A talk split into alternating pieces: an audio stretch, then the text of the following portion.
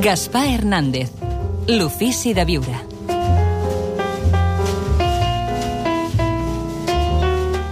Arriba Àlex Rovira. Què tal, Àlex? Molt bona nit, ben retrobat. Molt bé, moltes gràcies, En volíem Gaspar. parlar aquesta setmana, però amb les retransmissions esportives no ens ha estat possible.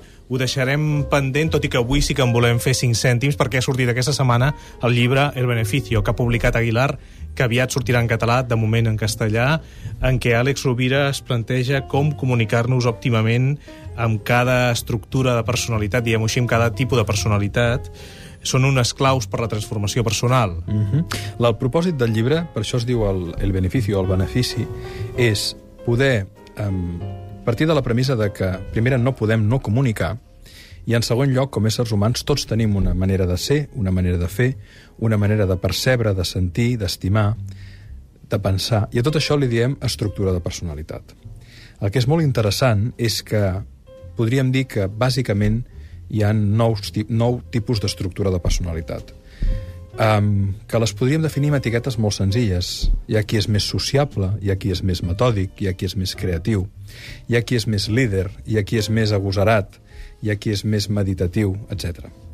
I el que es tracta és de veure com podem tractar les persones en funció de la seva estructura dominant, perquè tots tenim una mica de tot, però hi ha una, un perfil psicològic dominant en cada un de nosaltres, de manera que puguem permetre guarir psicològicament en cas de patologia, millorar en cas de que estiguem instal·lats en una situació doncs, que estiguem bé, que no tinguem problemes, però sobretot traçar un camí de desenvolupament personal. Pascal tenia una frase molt maca que deia trata una persona com és i seguirà sent com és. Trata-la com pot arribar a esdevenir i esdevindrà allò que està cridada a ser. Des del meu punt de vista, aquest és l'autèntic benefici. El, el veritable benefici eh, apareix en qualsevol sistema humà, qualsevol sistema relacional, quan aprenem a gestionar bé la comunicació amb l'altre. I precisament és un llibre que s'ha construït a partir d'integrar moltes eines de psicologia, però de fer-ho, d'intentar-ho fer d'una manera que sigui molt fàcil d'entendre.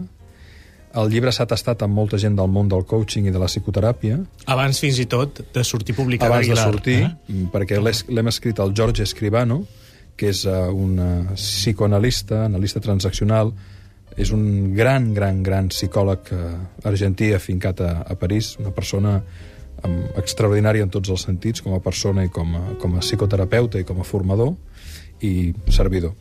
I aleshores el que, el que intentem és a través d'un relat, d'una ficció, que es situ, es situa en un context d'una empresa que no funciona, on hi han diferents perfils eh, de personalitat, el que intentem és il·lustrar totes les eines, tota la teoria, tot el model de com podem tractar les diferents maneres de fer i de ser de les persones per evitar de vegades el, el, el conflicte i sobretot per millorar la relació i l'actuació conjunta.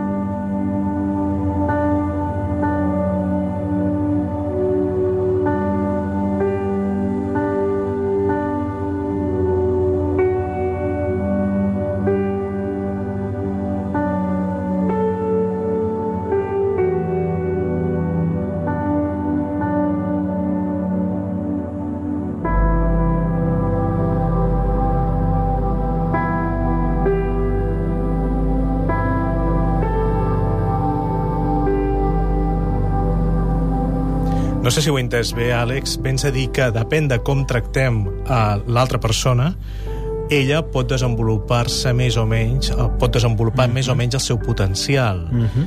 Um, aleshores, bé, això està clar en el cas, per exemple, dels estudiants, no? Ja n'hem parlat moltes vegades, no? Fins a quin punt el professor pot influir moltíssim en el desenvolupament del potencial de cada estudiant. No? sí. S'han fet moltes proves. Però aplicat a una persona, en, en la nostra quotidianitat, a un adult, això ha de ser eh, complicadíssim, perquè, clar, no depenem només dels estímuls d'una persona que cregui en nosaltres, no? Mm -hmm. I no és només això, això és molt útil um, el que proposem en el llibre perquè, per exemple, no, tu tens un company de feina amb el que no t'entens. La teva estructura de personalitat domina, per exemple, la part empàtica o sociable. Ets una persona que, per tant, el teu canal de comunicació és l'emoció.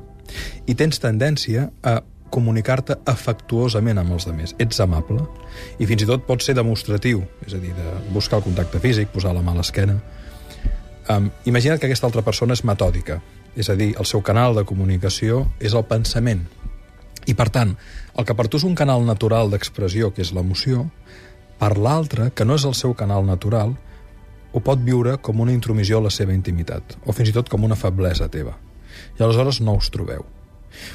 Moltes de les disfuncions de comunicació que tenim els éssers humans no venen per les males intencions, no venen perquè l'altre sigui dolent, no venen perquè l'altre premeditadament ens vulgui fer mal, sinó que senzillament actuem seguint un patró inconscient que hem après a la infantesa i que actua automàticament quan ens relacionem amb els altres. És més, quan més estrès tenim, més el reforcem.